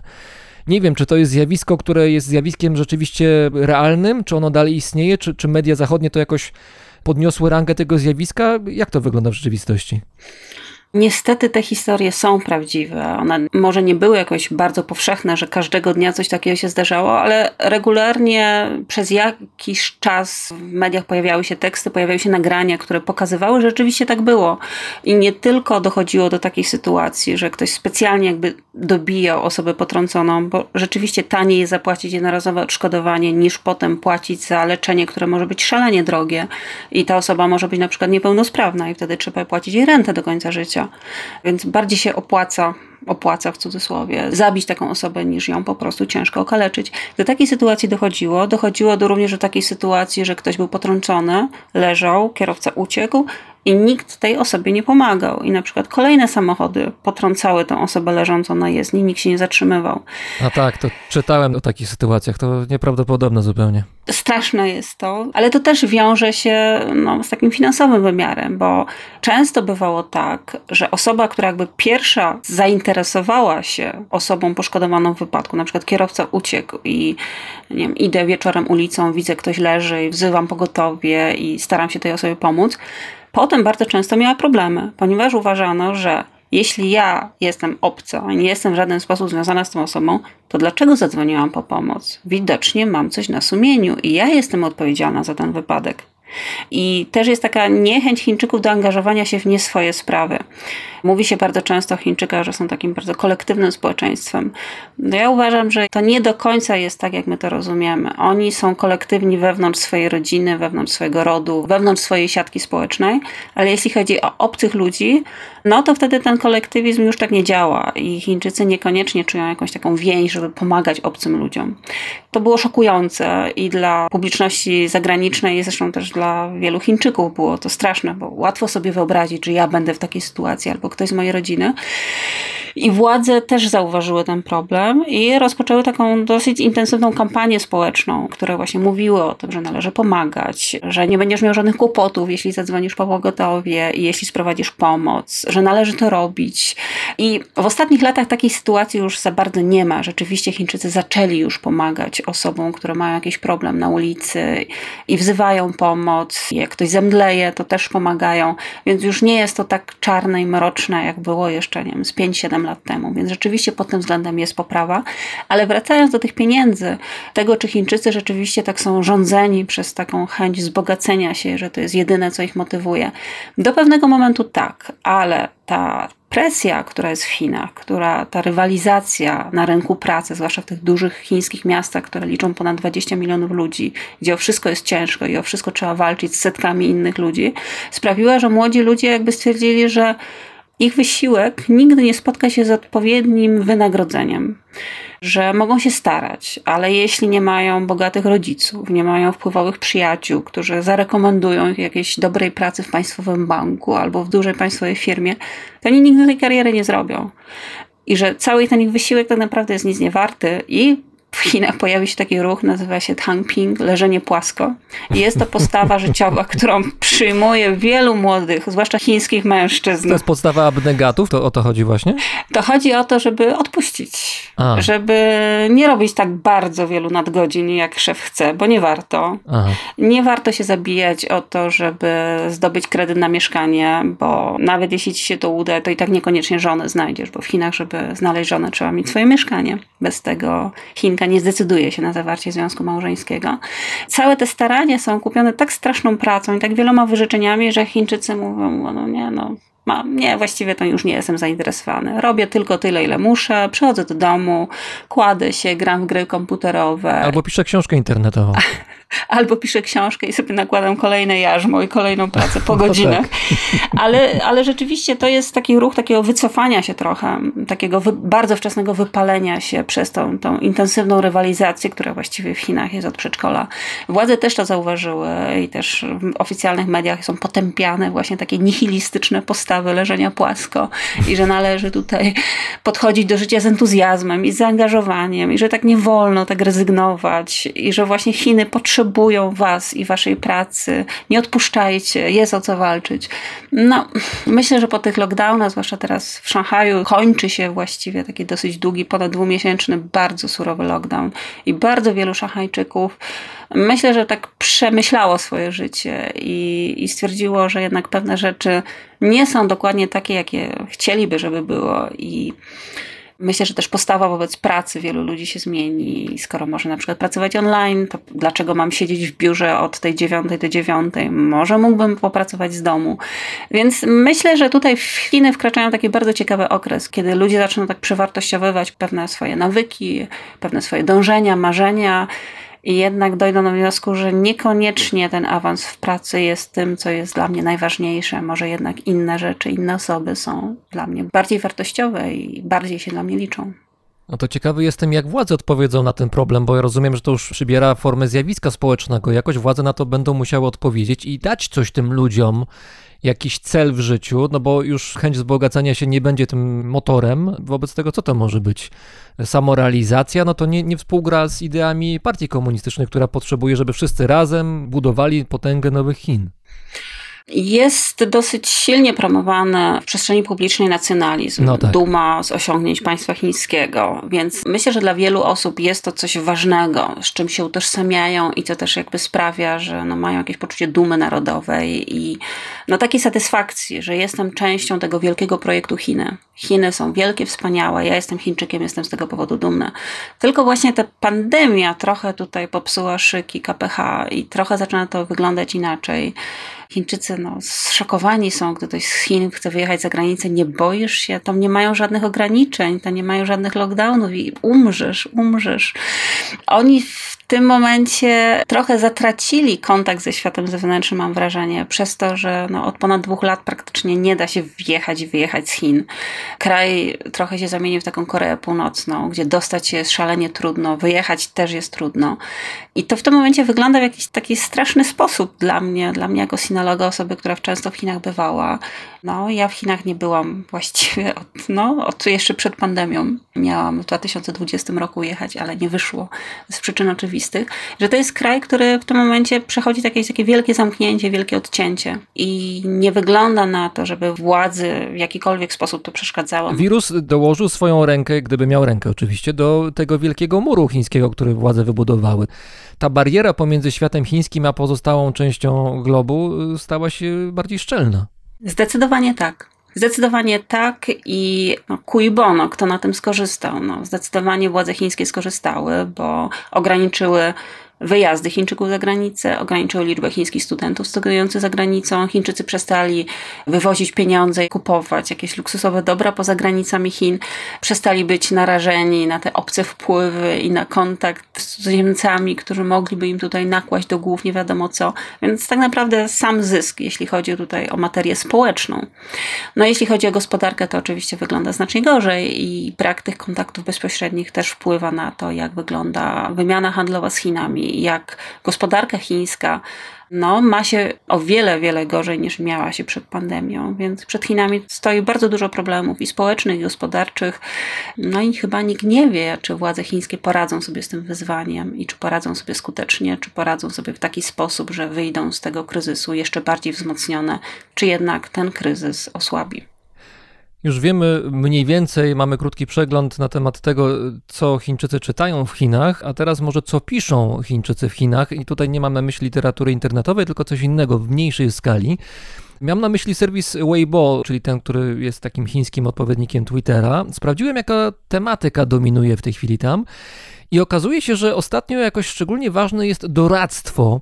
Otóż z Weibo wynika, że Chińczycy mają dość ekspertów, którzy co chwilę im radzą. Tak statystyki pokazują w każdym razie, bo ci eksperci piszą, jak jeść, jak skudnąć jak zarobić, jak oszczędzić, jak żyć zdrowo, etc. I w ramach swojego rodzaju protestu na Weibo zdobywa, tak czytałem, popularność hasło, którego nawet próbowałem się nauczyć wymawiać po mandaryńsku, ale poległem, więc nie będę tutaj próbował. W każdym razie w wolnym tłumaczeniu to hasło doradza się ekspertom, by nie doradzali. Tak jakby Chińczycy y, chcieli, nie wiem, może przesadzam, ale jakoś wziąć sprawy w swoje ręce i mają dość, żeby ktoś im mówił, jak mają żyć. To chyba jakaś chwilowa moda, ponieważ Chińczycy właściwie całe życie spędzają teraz na WeChacie, oglądając najróżniejsze treści, które tam są publikowane. Ja też zaglądam na, na WeChata i czasem sobie sprawdzam jakieś najbardziej nośne hasztagi. Bardzo często są to po prostu jakieś aktorki, piosenkarki, kultura pop. Czasem jakieś hasła polityczne się przebijają, ale niekoniecznie. Ale na przykład w czasie ostatnich miesięcy jedną z takich najbardziej popularnych osób w chińskim internecie stał się taki piosenkarz i aktor Liu Genhung, który nie zasłynął z tego, że coś gra albo coś śpiewa, tylko zasłynął z tego, że właśnie podczas lockdownu w Szanghaju zaczął ćwiczyć na żywo w swoim mieszkaniu, zestawy ćwiczeń codziennie i nagle pół Chin zaczęło go oglądać razem z nim ćwiczyć. To jest taka chińska chodakowska trochę w tym momencie. To jest człowiek, który nie jest jakby do końca zawodowym trenerem. On świetnie wygląda, bo on uprawia sporty, jakby zna się na tym i potrafi opracować jakby zestawy ćwiczeń na różne, na różne rzeczy, ale on tak się stał popularny w ciągu właściwie kilku miesięcy i w tym momencie setki, dziesiątki milionów tutaj odsłon jego kanały, jego programy odnotowują. Więc Chińczycy tak chcą oglądać ludzi i słuchać ludzi, ale takich, którzy uznają, że mają coś do powiedzenia i rzeczywiście mają jakąś tą wiedzę. A to, że akurat ci eksperci tutaj, nie wiem skąd się to wzięło, widocznie jakiś ekspert musiał tutaj kogoś rozzłościć jakąś swoją dużą publiczność i powiedzieć coś, co nie było zgodne z prawdą.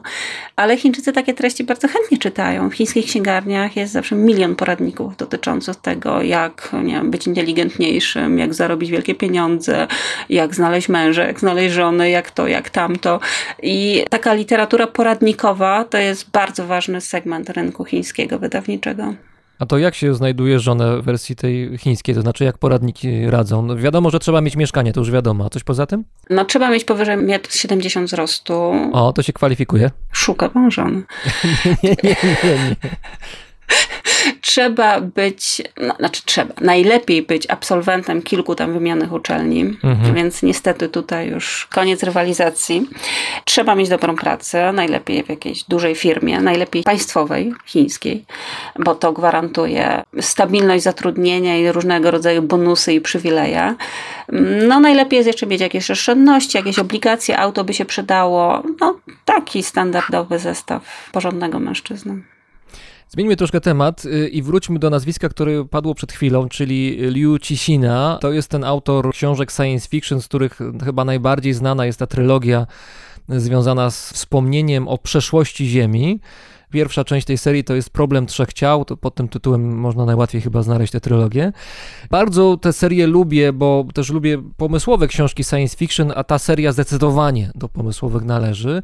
To polecam gorąco nawet dla tych, którzy książek science fiction nie czytają. I pamiętam, że oprócz samej fabuły tej książki uderzyło mnie w niej coś trudnego do nazwania, coś co wskazywałoby na jakąś inność, zarówno w sposobie opisywania bohaterów, jak i w samej fabule. To nawet też nie chodziło o to, że, że czasami chińskie postacie w tej książce mówiły do siebie per towarzyszu, co, co jakoś tam zwracało uwagę, ale no nie było jakoś super istotne. Ale tam było coś jeszcze. Była jakaś, jakaś obcość, tak mi się wydaje, która wynikała być może z tego, że no jednak czytałem chińską książkę chińskiego autora, który ma za sobą chiński bagaż kulturowy, czyli taki bagaż, który jest inny niż ten bagaż, który ja mam. Zresztą takie samo miałem wrażenie podczas czytania innych książek tego samego autora. I teraz no pytanie, czy ja mam dobrą intuicję, czy literatura chińska dla polskiego czy europejskiego czytelnika ma w sobie jakiś rodzaj inności, który, który powoduje, że te narracje są jakoś, jakoś no, różnią się wyraźnie od siebie. A czym była ta obcość, która pana uderzyła u Liu Cixina? No właśnie, ja nie potrafię tego ocenić. Jakiś taki rodzaj obcości może wynikający też z tego, jak bohaterowie na siebie reagowali, jak odpowiadali. Tutaj mówię głównie o chińskich postaciach. I to nie chodziło o to, że te postacie tak były kreowane, żeby były jakoś nietypowe, tylko to się przewijało w tych książkach, w tej trylogii, ale też w innych książkach tego samego autora. Coś tam było jakoś inaczej zrobione. Coś, co, co powodowało, że włączała mi się taka lampka, o, to jest dziwne, jakoś takie nietypowe, mimo że podejrzewam, że w intencji autora dziwne miało nie być. Może tutaj chodzi o pewien dystans emocjonalny, który bohaterowie mają do siebie. Może tak, może tak. W Chinach się nie mówi się wprost o tym, że się kogoś kocha, albo się tych uczuć tak nie wyjawia. Raczej robi się to za pomocą jakichś czynów, jakichś gestów. Nie wiem, ktoś komuś przyniesie herbatę nieproszony i postawi na stole. I to jest jakiś sposób na okazanie uczucia. No, my w amerykańskich książkach jesteśmy przyzwyczajeni do tego, że ci bohaterowie kocham cię, prawda, tęsknię za tobą. I nie mają żadnego problemu z tą ekspresją. A Chińczycy, jeśli chodzi właśnie o to mówienie o uczuciach, no są zdecydowanie bardziej skryci i też tacy emocjonalnie bardziej wycofani, że nie ma tego pokazywania emocji i też Chińczycy też jest związane no, taką tradycją chińską. Uważają, że okazywanie emocji to nie przystoi dorosłemu, opanowanemu człowiekowi. To robią tylko dzieci i zwierzęta, jakby pokazują wszystkim dookoła, co czują, co myślą. I to też jest oznaka słabości, bo ktoś może to na przykład wykorzystać i wiedzieć, że na przykład nas zranił w czymś, albo że nas sprawił zażenowanie. Może chodzi o coś takiego. A może też chodzi o to, że w tej książce jest bardzo dużo też elementów tradycji chińskiej, że właśnie trisolarianie w wielu miejscach są przeglądem filozofów chińskich. Mhm. Tam się Konfucjusz pojawia, Mencjusz w pewnym momencie. Mamy też traktowanie właśnie tej jednostki jako piksela, jako nie wiem, wpisu, jako zero jedynki, z którego układa się kod komputerowy. To wielkie armie tworzą właśnie, prowadzą obliczenia na sobie i jakby rekonstruują komputer. Chyba Europejczyk na to by nie wpadł, żeby w ten sposób ludzi wykorzystać do obliczeń komputerowych i zrobić z nich wielką, wielką armię. Więc może takie bardziej, nie chciałabym powiedzieć bezduszne, takie bardziej bezosobowe traktowanie ludzi nawzajem. Może to było to co sprawiło, że ten klimat obcości. Tutaj przypomina mi się to, że w kulturze japońskiej, którą troszkę znam, jest coś takiego, takie zjawisko, które się nazywa czytanie powietrza. Chodzi o zauważanie drobnych sygnałów, które podczas rozmowy wysyła do nas rozmówca i bez tych sygnałów, bez ich odczytania, właściwie nie jest możliwe właściwe zrozumienie komunikatu, który do nas dociera. Może to jest coś podobnego w Chinach, tylko oczywiście w chińskiej wersji. Są pewne gesty, zachowania, które trzeba umieć odczytać, które Chińczycy okazują też niewerbalnie, na przykład relacje, hierarchię między sobą, kto kogo przepuszcza, kto komu co podaje, kto się schyla, jeśli mu coś upodnie, albo czeka na przykład, aż podwładnym podniesie, kolejność wchodzenia do pomieszczeń na przykład, miejsce zajmowane przy stole, pokazywanie gestem, że ktoś ma coś przynieść na przykład. Mowa pozawerbalna, która przekazuje informacje na temat trochę też statusu w grupie. Kto jest kim, kto ma prawo wydawać polecenia, kto powinien je wykonywać. Ta hierarchia jest zaznaczana, no może nie taki bezpośredni, mocny sposób, ale Chińczycy to bezbłędnie rozpoznają. Nawet jak ktoś chodzi, to widać, czy to jest szef, czy to jest tylko jakiś tam szeregowy pracownik. A jak to się przekłada na kwestię tłumaczenia z chińskiego na, czy z mandaryńskiego na polski? To znaczy, rozumiem, że pani jako tłumaczka musi pewne rzeczy oddać, które w książce są jakoś traktowane jako standardowe, ale które niosą w sobie tę treść pozawerbalną, której to treści polski czytelnik, kiedy ją przeczyta, nie zauważy, więc pani musi jakoś jako tłumaczka zwrócić na to uwagę. Muszę, ale bardzo często jestem na przegnanej pozycji i muszę rezygnować z pewnych treści. Na przykład to, co pan powiedział, że bohaterowie zwracają się do siebie per towarzyszu. Mhm. To nie jest jakieś szalenie dziwne, żeby Chińczycy na przykład, zwłaszcza w starszych książkach, żeby się do siebie w ten sposób zwracali. I gdybym ja obecnie użyła takiego zwrotu, towarzyszu Wang, proszę opowiedzcie mi o tym, no to zabrzmiałoby to bardzo mocno i w bardzo taki przejaskrawiony sposób, który dla Chińczyka, no w tym oryginale tego nie ma. To jest jest neutralne, to nie jest nacechowane w żaden sposób a dla czytelnika polskiego byłoby odczytane albo jakaś ironia, albo jakaś satyra. Jakiś formalizm też w tym, w tym brzmi po polsku przynajmniej. Też, też. No, brzmi po polsku, tak bardzo formalnie towarzyszył, a w Chinach przez wiele dekad to był najbardziej standardowy sposób zwracania się do kogoś, czy do mężczyzny, czy do kobiety. Nie było pan, pani. To jest dopiero ostatnie tam dwie, trzy dekady to się w ogóle pojawiło. I też Chińczycy zwracają się do siebie zawsze za pomocą jakby tytułu.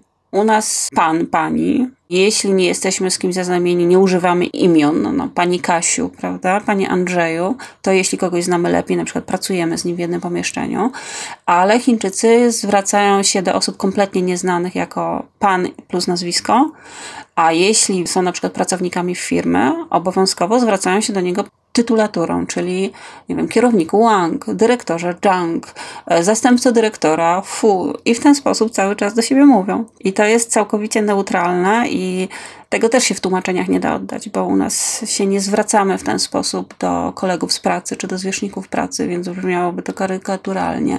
Więc z tego też trzeba zrezygnować, a jest to jeden ze sposobów jakby pokazywania, zaznaczania cały czas miejsca w hierarchii. I to dla Chińczyków na przykład jest ważne, bo wtedy wiedzą, kto jest kim i to, że ktoś jest Jingli, czyli jest menadżerem, no to jest zupełnie coś innego niż jeśli ktoś jest Miszu, czy jest sekretarką.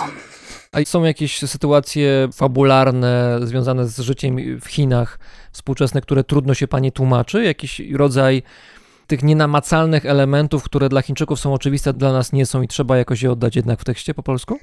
Bardzo nie lubię odwołań do różnego rodzaju rang, na przykład wojskowych, albo do różnego rodzaju stanowisk w partii, w komunistycznej partii Chin, które dla Chińczyków są ważne, bo ta partia jest bardzo ważna, jest bardzo obecna w ich życiu. No, u nas to brzmi od razu jak jakiś PRL, albo jakiś Bierut czy Gierek i od razu robi się tak trochę paradystycznie. To jest takie coś, co osobiście po prostu nie lubię i bardzo nie lubię pisania o przemocy, bo Chińczycy mają do niej podejście, mam wrażenie, o wiele lżejsze. Tej przemocy w ich historii, zwłaszcza w ciągu ostatnich stu lat, było tak wiele, że oni w pewien sposób się na nią uodpornili. I opisy w chińskich powieściach bywają czasem niesamowicie drastyczne, że jakaś przemoc, nie wiem, bicie, kobiet, dzieci, Ale chodzi o szczegóły? Tak, są bardzo, bardzo szczegółowo opisane, że bił go tak, że krew tryskała na przykład, opryskała mu twarz, e, że z rany na, na brzuchu wylały się jelita i te jelita były takiego i takiego koloru i były, Mm. wyglądały na śliskie jak dżdżownice na przykład. No, no, no, to są takie bardzo drastyczne opisy. To jest coś, co tak, no nie przepadam za tym i zawsze mi tak się źle czuję, jeśli akurat mam taką bardzo pełną przemocy scenę. I również no, humor skatologiczny. To jest coś, co nie potrafię się do tego przekonać. Chińczycy w bardzo otwarty sposób mówią o różnych potrzebach ciała i funkcjach wydalniczych i, i jeśli na przykład mam opowiadanie, gdzie wszyscy jedzą kolację i nagle dziadek wstaje od stołu i mówi przepraszam, że powiem takie brzydkie słowo, muszę iść się wysrać. No, no jak ja mam to na polski przetłumaczyć? Ale to tak brzmi bezpośrednio rzeczywiście w oryginale, no ja próbuję to zrozumieć. Tak, tak, tak po prostu, łociu, la, idę Ale to wynika z tego, że nie ma odpowiedników, które by jakoś złagodziły to po chińsku, czy nie ma potrzeby, żeby to złagodzić, bo to po prostu się mówi wprost. Nie ma potrzeby, bo mówienie na przykład o tym, że ktoś ma biegunkę jest dosyć powszechnym tematem rozmów w Chinach i jakby nikt z tego nie, z tego, nie ma z tym jakby problemu. I oczywiście są osoby, które są delikatne, które nawet nie mówią idę do łazienki, tylko mówią no idę, idę się przewietrzyć albo idę umyć ręce. To oznacza, że idą do łazienki. Ale są też właśnie to starsze pokolenie, jest niesamowicie bezpośrednie w opisywaniu właśnie jakiejś tutaj fizjologii cielesnych i potrafi zadawać też szalenie bezpośrednie pytania i w powieściach czasem pojawiają się no takie opisy, które ciężko jest oddać w języku polskim, żeby właśnie to oddało taką neutralność tych wyrażeń. Bo po polsku to jakaś wulgarność wchodzi, prawda? To już w tym No momencie się właśnie. przekłada na bohatera, to mówi coś o nim. No tak, to się przekłada na wulgarność, że ktoś jest takim prostakiem na przykład, że mówi w ten sposób, a tam to jest po prostu taka zwykła, normalna rozmowa i to jest bardzo trudne.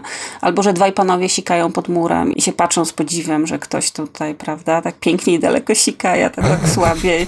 No, I to są właśnie takie historie, gdzie no ciężko jakoś, no oczywiście próbuję, nie wiem, czy mi się to udaje, no ale to nie jest coś, co jakoś specjalnie uwielbiam. Jest jedna taka powieść Juchła, która jest jeszcze nie wydana na język polski, pewnie będzie prędzej czy później, Bracia. Swego czasu bardzo głośna na zachodzie, bardzo dużo szumu narobiła, gdzie jest cały rozdział poświęcony temu, że jeden z bohaterów podglądał dziewczynę w toalecie publicznej. To była taka toaleta w starym stylu, gdzie po prostu była deska z dziurą nad dołem kloacznym i on tam wkładał głowę i dziewczyny, które za ścianką tutaj też korzystały z tego szaletu. No jest to oczywiście opisane dokładnie. Jest opisane, jak wyglądał ten dół kloaczny, co się w nim znajdowało, jak on hmm. intensywnie pachniał.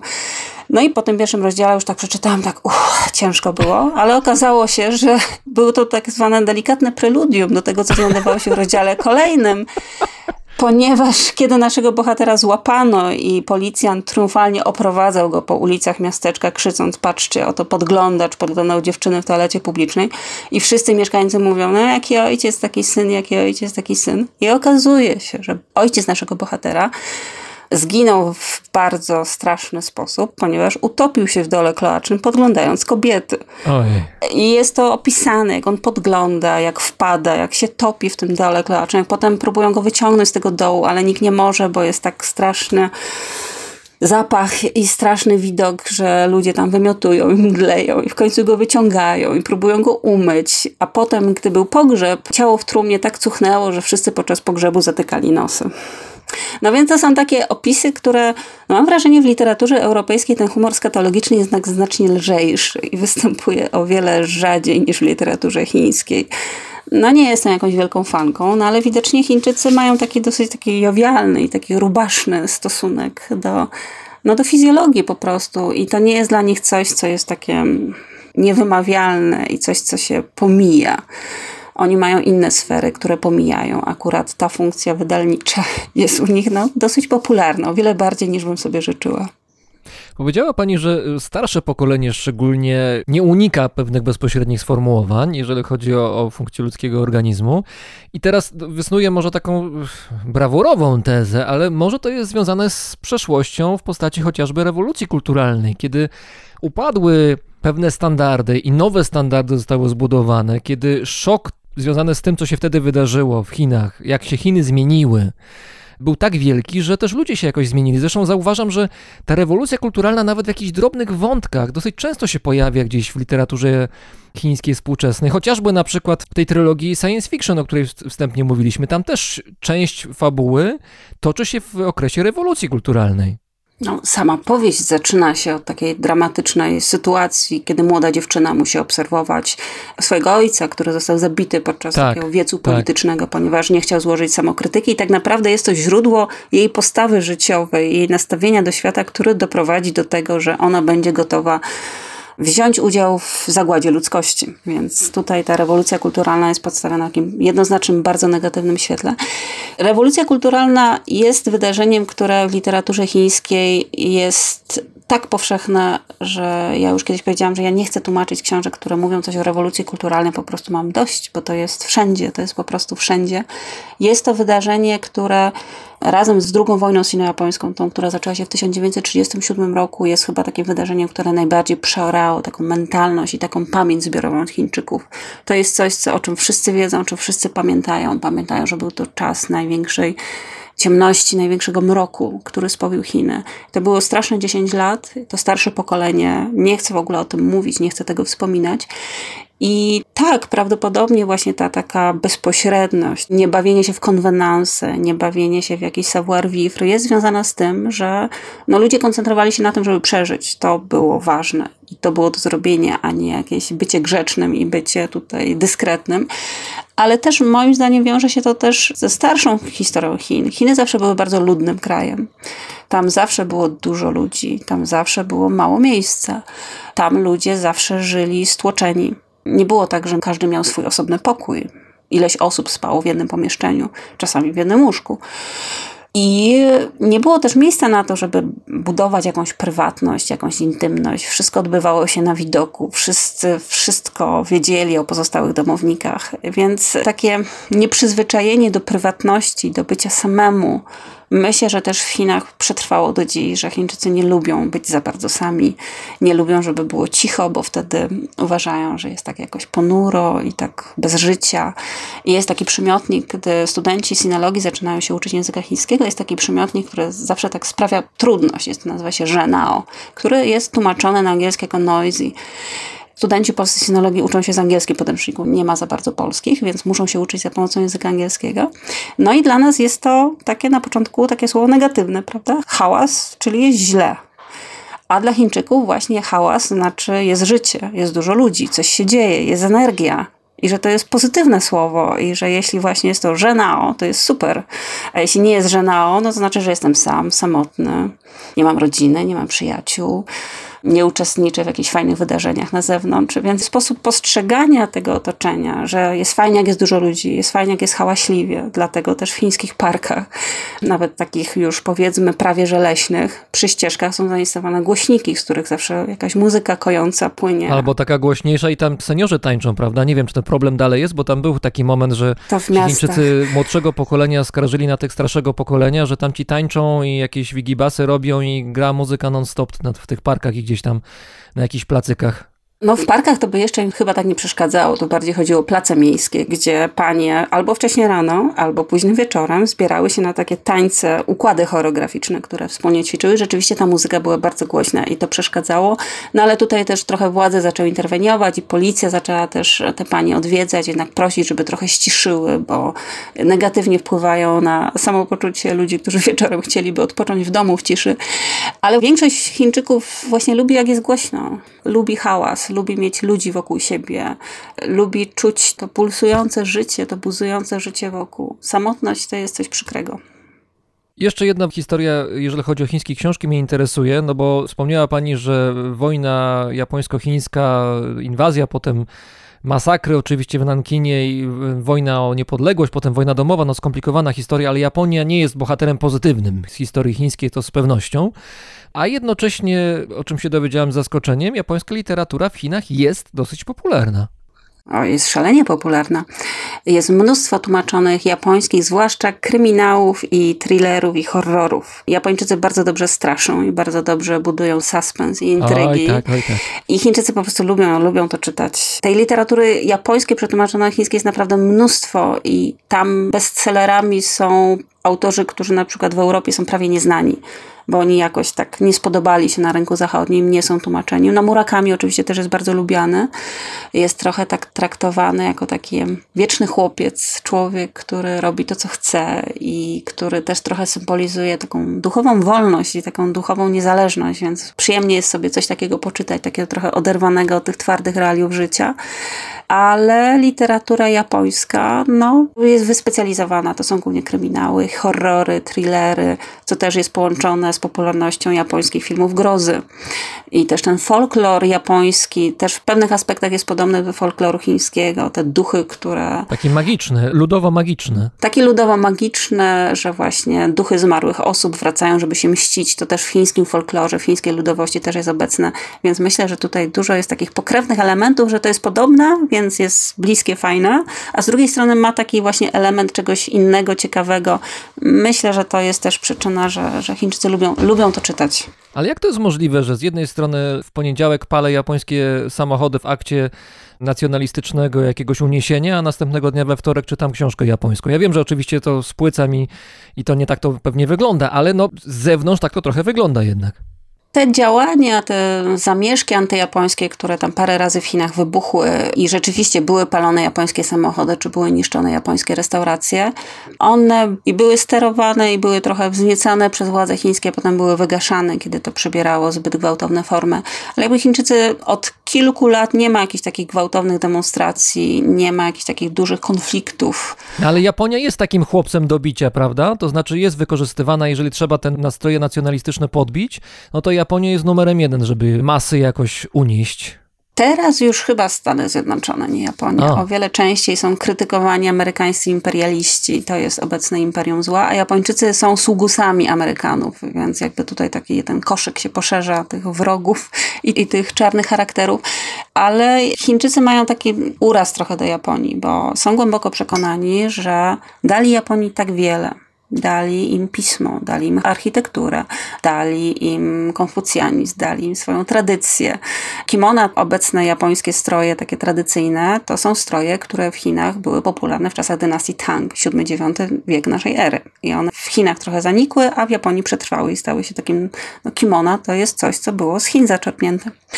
Więc oni mają takie poczucie, że Japonia jest takim młodszym bratem, który był tutaj wychowywany i wykształcony przez starszego brata, a potem odwrócił się i zdradził i przeszedł na stronę wroga to, jak Japończycy się zreformowali w XIX wieku, rewolucja Meiji, która sprawiła, że Japonia strasznie szybko stała się krajem nowoczesnym, a Chiny zostały w tej swoim tradycyjnej kulturze konfucjańskiej i tak dosyć niechętnie i z takim lekką pogardą patrzyły na tą cywilizację zachodnią i to, co ona sobą dysponuje.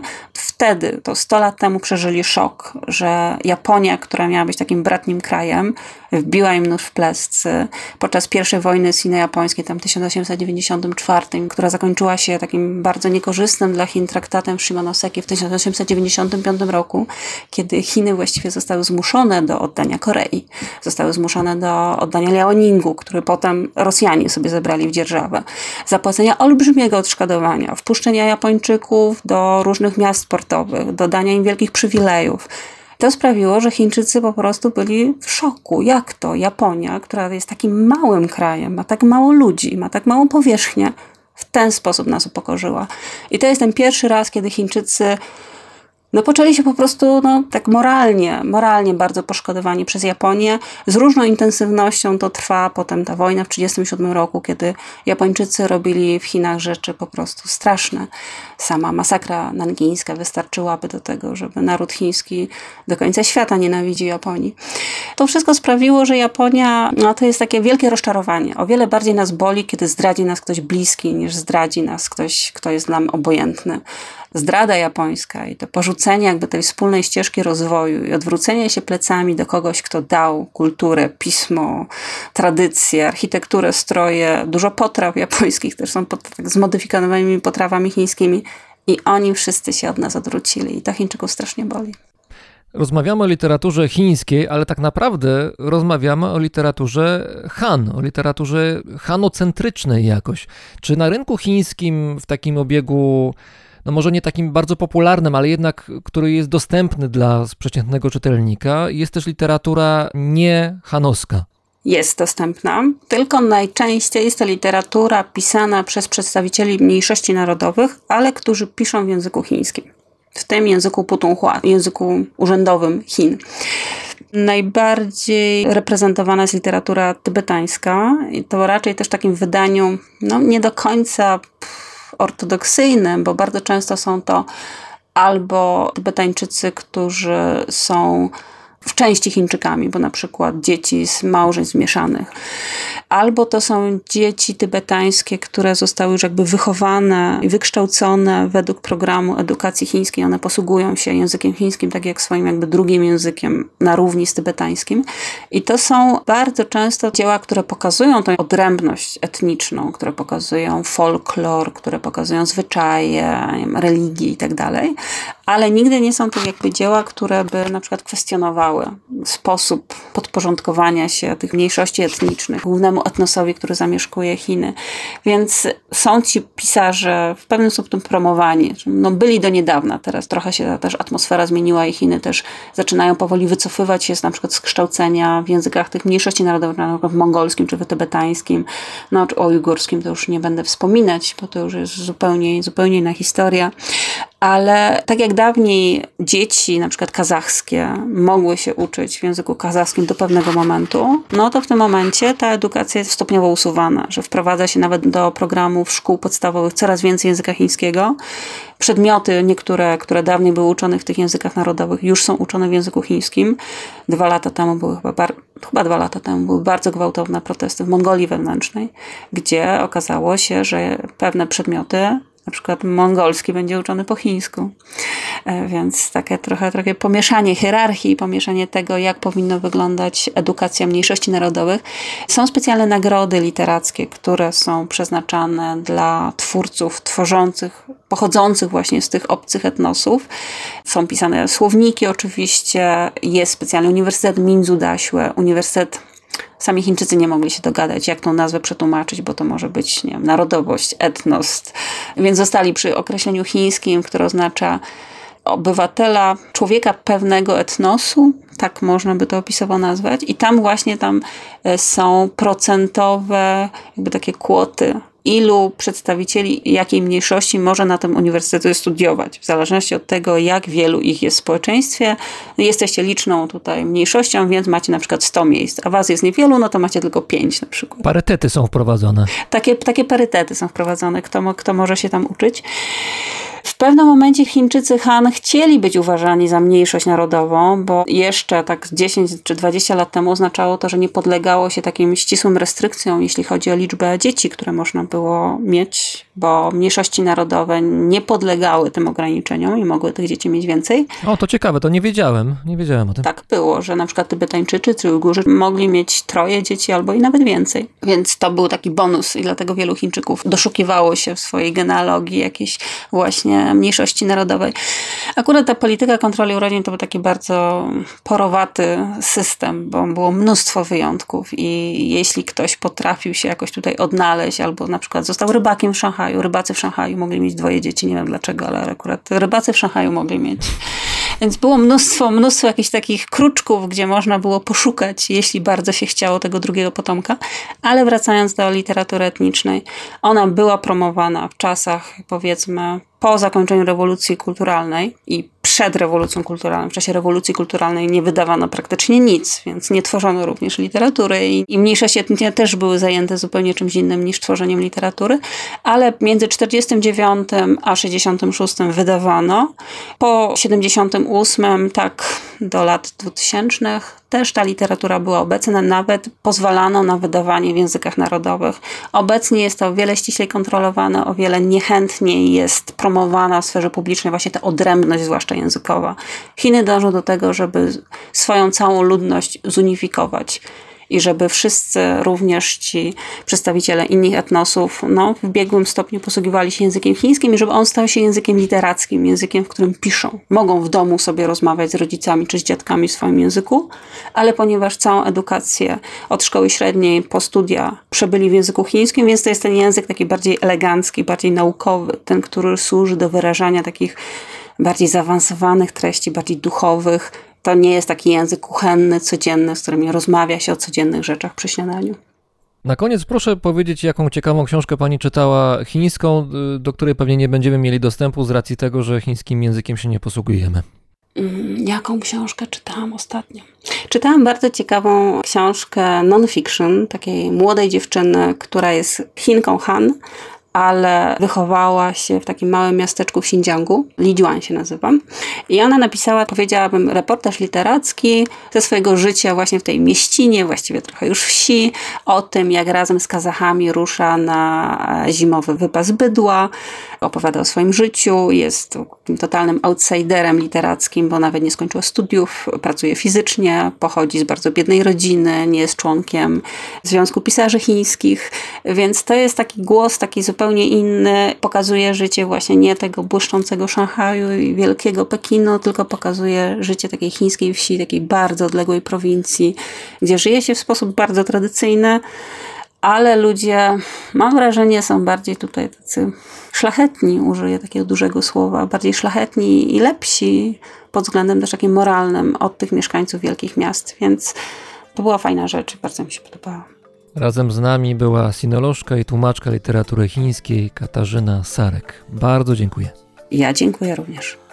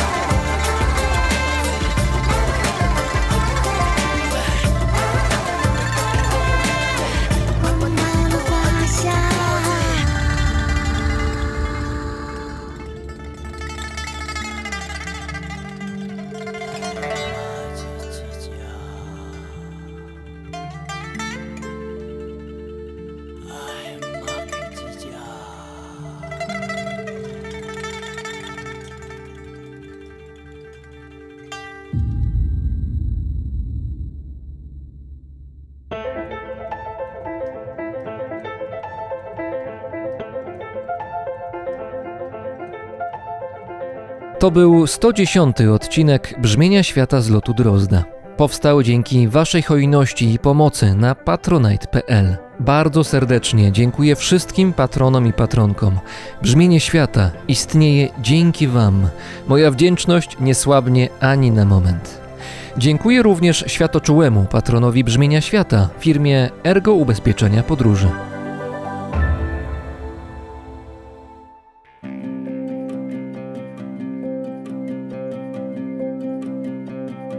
Paweł Drozd, czyli ja, mówi Wam dobrego dnia.